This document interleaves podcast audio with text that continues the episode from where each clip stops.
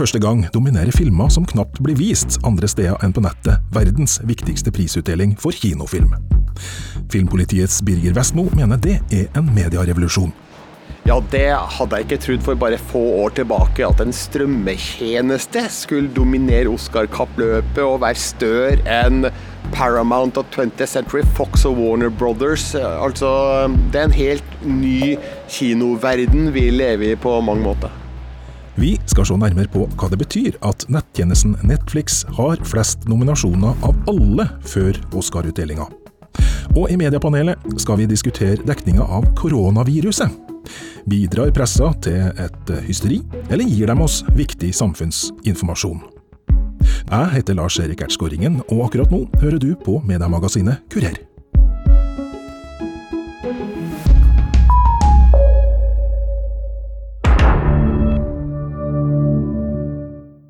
Sånn høres altså en medierevolusjon ut.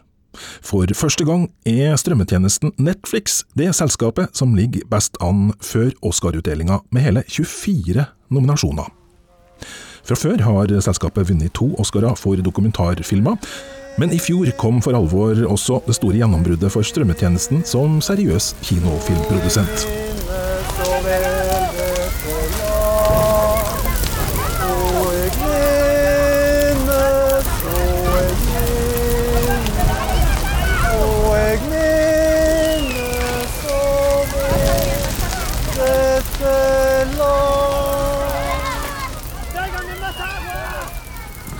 Du hørte rett. I en av scenene i Netflix-filmen Roma blir barndomsminnet fra Nordland synget. Filmen vant hele tre Oscar-priser i fjor, annet fikk Alfonso Cuarón pris som beste regissør. And the Oscar goes to this name I can pronounce. Alfonso Cuarón.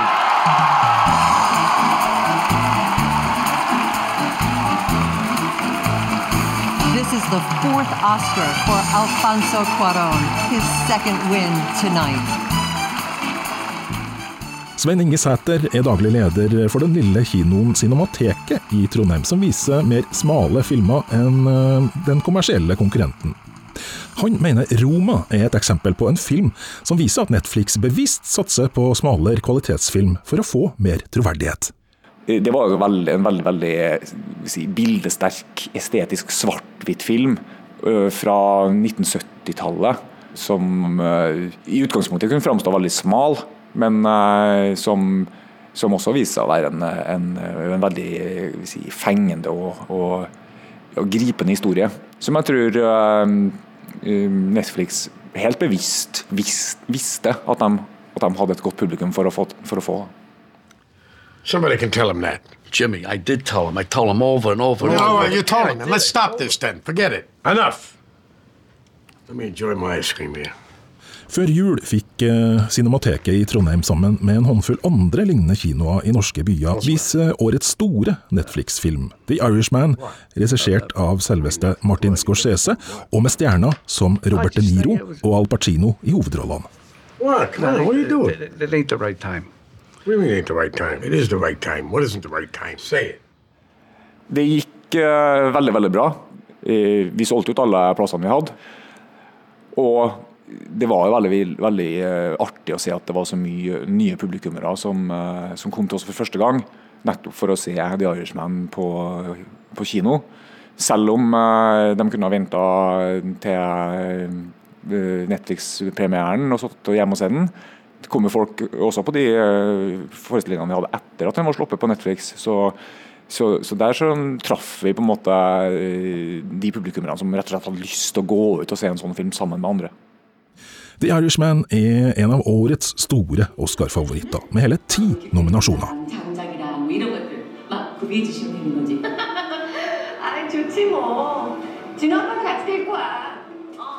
Tidligere denne uka møtte Filmpolitiets programleder Birger Vestmo, mens han satt og så en annen Oscar-favoritt, sørkoreanske Parasitt, som er nominert til seks Oscar-priser.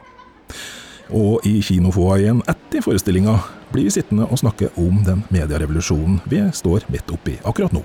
Ja, det hadde jeg ikke trodd for bare få år tilbake, at en strømmetjeneste skulle dominere Oscar-kappløpet og være større enn Paramount og 20th Century Fox og Warner Brothers. Altså, det er en helt ny kinoverden vi lever i på mange måter. Netflix har jo gjort en grundig jobb med å markere seg i eh, filmlandskapet.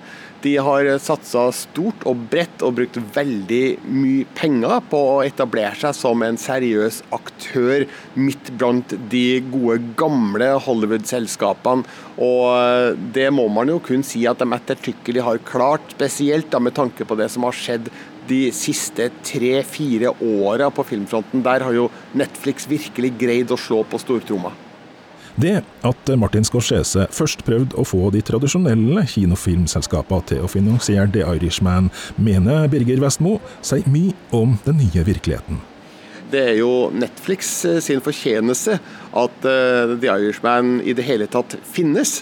Så Sånn sett så skal man jo være sjeleglad for at en aktør som Netflix finnes, og har musklene uh, rent finansielt til å faktisk la en gammel mester som Scorsese få realisere sin store filmdrøm.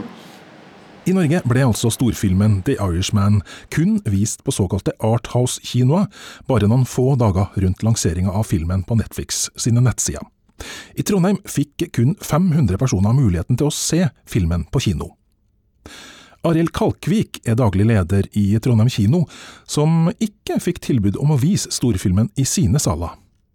Altså Personlig så hadde jeg elska å vise The Irishman på kino, for dette, den er jo laga egentlig passer godt til et stort format. Men samtidig så kan du si hvis du bare får vise en film i ei uke, og du må betale for mye for den, så er det jo ikke god butikk for oss som driver kino. Den daglige lederen i Trondheim kino forteller at de har fått tilbud om å vise Netflix-filmer før, og det har de også gjort, men at de ikke fikk noe tilbud om å vise The Irishman. Det er lite attraktivt for eh, kommersielle kinoer å vise Netflix-filmer, fordi de krever for høy pris for eh, å få vise filmene, og fordi folk kan se filmene bare noen få dager senere i sin egen stue. Nei, det, altså, Vi lever jo, og det vi betaler mye for, det er jo eksklusivitet. Og når du da må betale like mye for en film du knapt har eksklusivitet på, så eh, lønner det seg ikke for oss. Hvis vi skulle ha lagt ned i mye markedsføringskroner i en film som går i ei uke, så vil mange først oppdage den filmen etter den er tatt av på kino. What I love about Charlie Charlie is undaunted. He never lets other people's opinions or any setbacks keep him from what he wants to do. Charlie eats like he's trying to get it over with and like there won't be enough food for everyone. A sandwich is to be strangled while devoured. Men hva gjør det med kinobesøket i Norge at bare noen få hundre mennesker får muligheten til å se de store Oscar-kandidatene fra Netflix, som eh, Marriage Story, som vi hørte litt fra her? Eh, all forskning så langt viser vel at filminteressen øker. Og så kan en stille seg spørsmål da at ja, men all den strømming og all den tida den tar, den må jo ta tid fra noe. Og jeg tror vel at det fort kan ta tid fra boklesing, det kan fort ta tid fra det å gå ut en tur eller gjøre andre ting, og det kan gå utover kino. Men jeg tror i det hele tatt at det som alles utfordring i dag, det er å få lurt seg inn i folks tidsskjema. På besøkstallene på de kinoene som du er involvert i, da, merker dere konkurransen? Ja, vi merker jo konkurranse om folks tid. Men hvis vi skal analysere tallene fra i fjor versus året før, så er det jo mangelen på store norske titler som preger våre tall, og ikke mangelen på Hollywood-filmer. Vi hadde faktisk en oppgang i besøket av Hollywood-filmer. Daglig leder Svein Inge Sæter i Cinemateket i Trondheim er heller ikke veldig bekymra for kinoen sjøl om strømmetjenestene stadig vekk tar en større del av kaka det er bra for kinoene at det skapes oppmerksomhet rundt god film. Det har vært synlig eh, helt siden på en måte hjemmemarkedet dreide i den retningen det har gjort eh, med digitale tjenester, at dem som bruker mest tid på strømmefilm, er også dem som bruker mest tid og penger på å gå på kino. Filmpolitiets Birger Vestmo. Frykten er jo selvfølgelig at eh, kinobesøket går ned. Og vi har jo sett tall som tyder på at uh, ikke alle aldersgrupper er like interessert i å gå på kino lenger som de en gang var. Men uh, Jeg håper jo at eh, det her bare betyr at vi ser mer film. At vi både ser film på kino, og at vi også ser annen type film på strømmetjenester. Eh, jeg ser jo for meg at eh, kinoen kanskje må bare innfinne seg med at konkurransen fra strømmetjenestene den har kommet for å bli, og at man må forsøke å nå kinopublikum på en litt annen måte enn man kanskje har gjort før. Westmo sier at de tre Oscar-kandidatene til Netflix, eh, som altså er The Irishman, Two Popes og Marriage Story, bærer preg av at de alle er laga for kinolerretet, og ikke TV-skjermen. Altså, Det er selvfølgelig sørgelig at uh, filmer som åpenbart er ment for et stort kinolerret, ikke kan ses på et stort kinolerret av de aller fleste. Når det er sagt, så er det jo da Netflix som har eh, spytta inn pengene for denne filmen. Og kanskje skal vi bare være takknemlige at de i det hele tatt gir oss muligheten til å se filmen på kino. Altså I USA så må de sette opp filmen på kino hvis de skal være kvalifisert til å bli Oscar-nominert. Det må man ikke i Norge, så det er egentlig en ren bonus at de i det hele tatt setter opp visninger av sine filmer her i Norge. Det er altså tre forskjellige filmer på Netflix som til sammen har ført til at strømmetjenesten er kongen på haugen, med 24 Oscar-nominasjoner.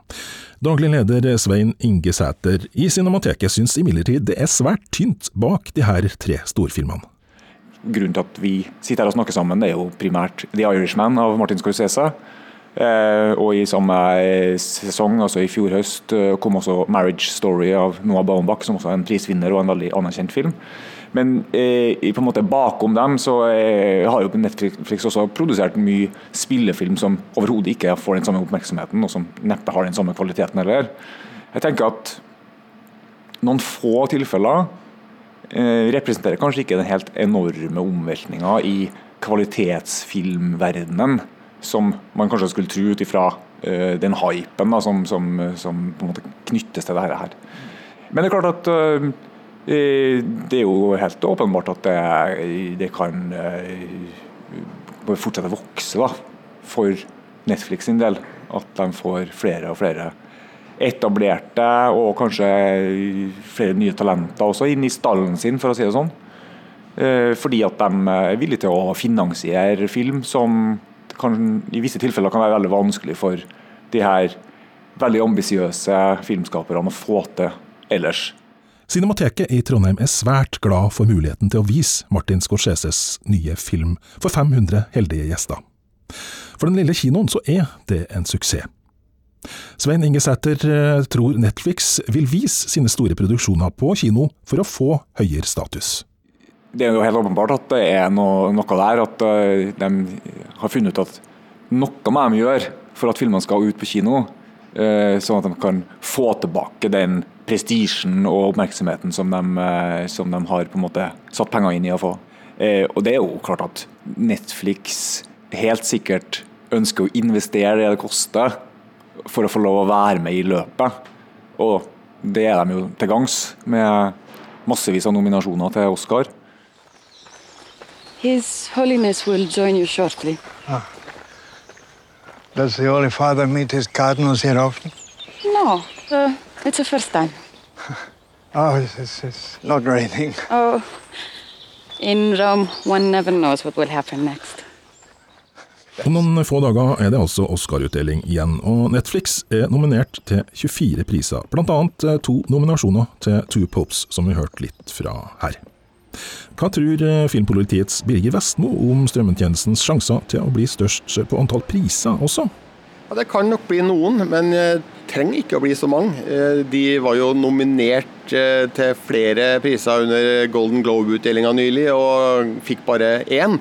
Mens i Oscar-sammenheng så tror jeg kanskje at Martin Scorsese kan være en vinnermulighet som regissør.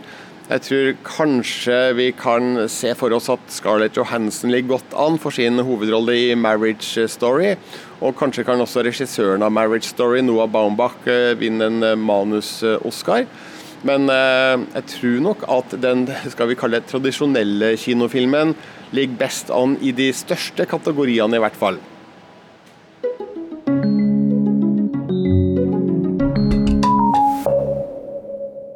Du hører på NRK P2 og medieprogrammet Kurer, hvor eh, du i det første kvarteret i dag har fått høre om hvordan nettstrømmetjenesten Netflix er i ferd med å bli en seriøs eh, konkurrent til de store, etablerte filmselskapene.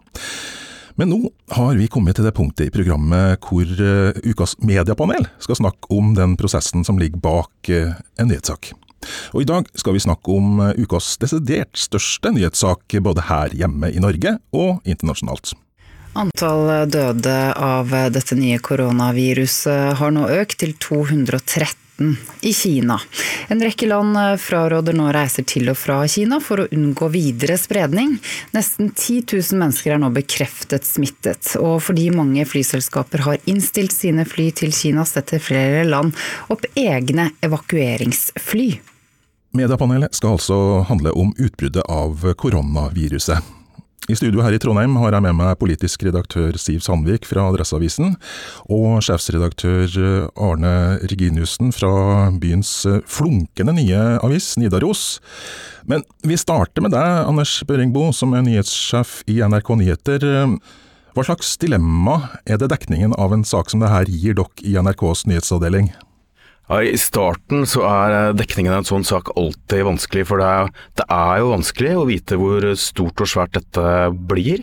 Så vi har forsøkt å holde oss til eh, offisielle kilder og da Folkehelseinstituttet, som er måte, den offentlige stemmen her, som jo har vært eh, relativt dempa fra, fra starten av.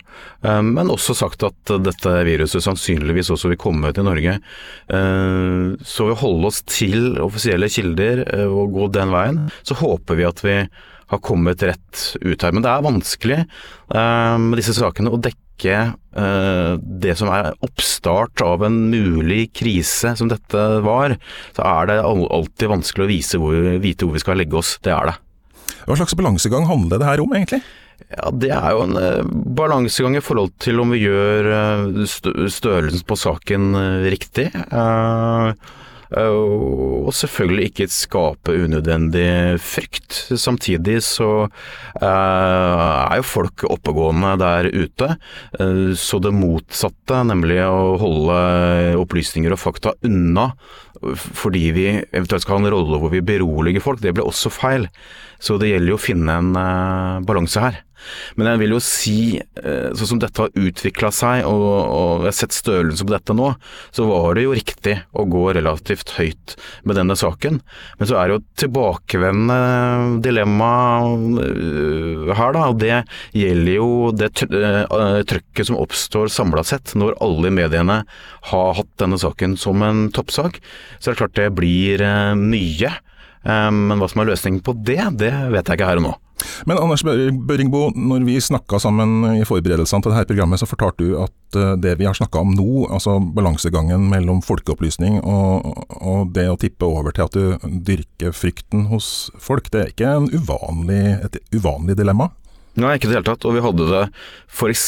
i konflikten mellom Iran og Trump også, hvor uh, altså hashtaggen, hashtaggen verdens, tredje verdenskrig begynte å spre seg. Og det førte til noen diskusjoner hos oss. Hvor ligger vi egentlig igjen? Eh, der også. Men som jeg sa, det er eh, altså For NRK og andre medier så blir det vanskelig, veldig vanskelig å gå inn i en rolle hvor vi eventuelt skal holde tilbake info for å dempe en stemning. Jeg tror folk og brukerne nå er så oppegående rundt omkring at de må få den informasjonen som er, og så må de vurdere den sjæl, rett og slett. Siv Sandvik, hvordan syns du mediene totalt sett har eh, klart denne balansegangen? Det jeg syns er veldig viktig, er jo nettopp som uh, Børungbo sier, at vi ikke undervurderer folk, og at vi ikke tar på oss en sånn uh, Nei, nå skal vi passe på at folk ikke blir for redd, litt sånn overformyndersk uh, rolle. Og der syns jeg norske medier har balansert godt. Og jeg syns det er veldig bra at det har blitt avslørt og, og, satt fokus på falske nyheter på Snapchat f.eks., og falske rykter som går. Og, vi, og, det er jo noe vi plukker opp med å prate med, med kollegaer og andre som har barn i ungdomsskole og videregående alder heller, er jo at det går veldig mange rykter blant dem om at ja, nå har det kommet til Værnes, eh, og så har de ikke det.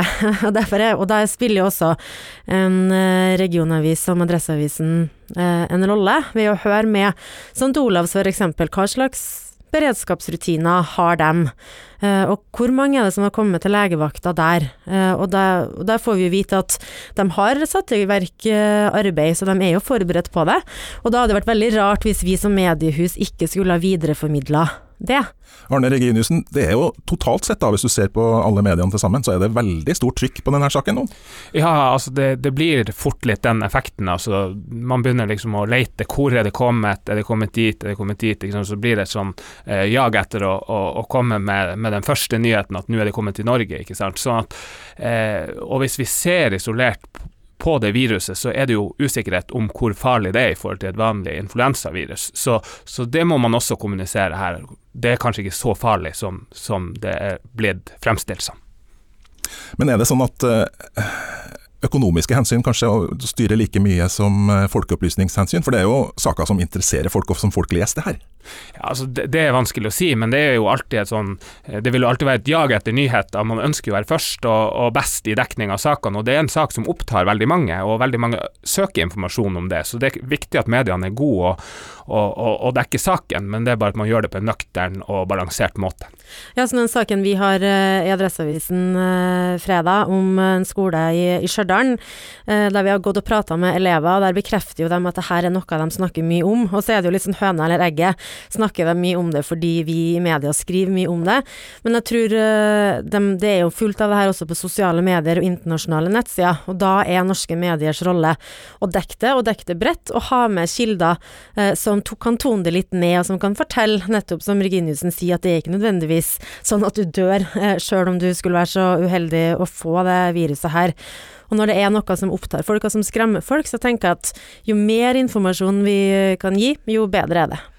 Ja, For vår del i NRK så har det vært viktig å få fram de andre stemmene, og vi har denne uka hatt uh, saker med inngang på dette med fake news, at det har vært uh, masse falske nyheter der ute som har overdrevet denne saken og drevet opplysning i forhold til det. Og vi hadde også uh, denne uka sak om at influensaen i Norge tar flere liv enn det har vært snakk om her, og prøvd å sette det i perspektiv på den måten. og Det tror jeg er viktig da å få fram de sidene av saken også. Ja, vi blir jo utfordra av sosiale medier her, for ryktene går jo som Siv sier. I hvor stor grad styrer det mediebildet? Vi kan ikke stille oss utenfor det som skjer i sosiale medier, og nettopp derfor tok vi tak i denne uka dette med all fake news som verserer i sosiale medier, og gikk, gikk inn i det. Eh, hadde faktisk.no som gjest, som sa noe om hvor mye falske nyheter det er. Og da behandler vi jo det som skjer i sosiale medier, også journalistisk, og det syns jeg vi gjorde da på en ok måte denne uka. Nå er det jo sånn at vi i mediepanelet denne uka her har en lokalavis, en regionavis og et riksmedium. Eh, hvordan eh, påvirker det altså dekningen i de forskjellige mediene? Nei, for oss er det jo naturlig å ikke nødvendigvis ringe Verdens helseorganisasjon eller uh, den type kilder som, som, vi heller tar fra byrå, men å prate med St. Olavs uh, hospital, med legevakta, med helsesøstre som kan gi råd til hvordan man skal snakke med unge folk uh, om det her viruset, og så ta det litt hjem, da. Det er jo det som blir vår oppgave som regionavis. Ja, altså det er det samme. Vi er jo også opptatt av det som skjer her lokalt, eh, og ikke utenriksaspektet i det. Men selvfølgelig, altså vi eh, Når det er fritt for munnbind på apoteket og den type ting, så, så er vi der, da. Og For oss har det selvfølgelig vært en internasjonal situasjon å få fram den, både fra Beijing og andre steder. Og vi har brukt våre korrespondenter eh, flere steder, også vår europakorrespondent, til å dekke dette. Helt til slutt så tenkte jeg vi skal komme inn på språkbruk. Hvor viktig er språkbruk når eh, vi uh, balanserer en sak som det her? Jeg tenker det viktige da er jo å, som også Børingbo fra NRK var inne på, å, å høre på offisielle kilder. Uh, og legge seg på, på, den samme linja der, med mindre det er noe som tyder på at de eh, mot formodning da tar feil, men som overordna prinsipp å legge seg på det nivået som f.eks. Folkehelseinstituttet gjør. Har dere diskutert språkbruk i NRK?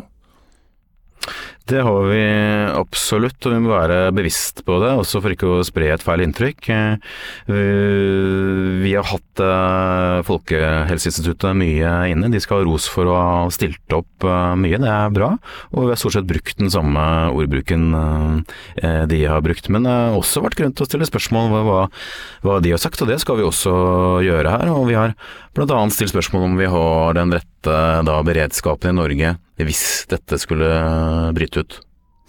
Ja, vi nærmer oss raskt slutten på dagens Kurer. Takk for at du var med oss, nyhetssjef Anders Børringbo i NRK Nyheter, Arne Reginiussen, sjefsredaktør i Nidaros, og politisk redaktør Siv Sandvik i Adressa. Jeg heter Lars Erik Ertskåringen, og minner deg på om at vi i Kurer har en e-postadresse som du kan kontakte meg på.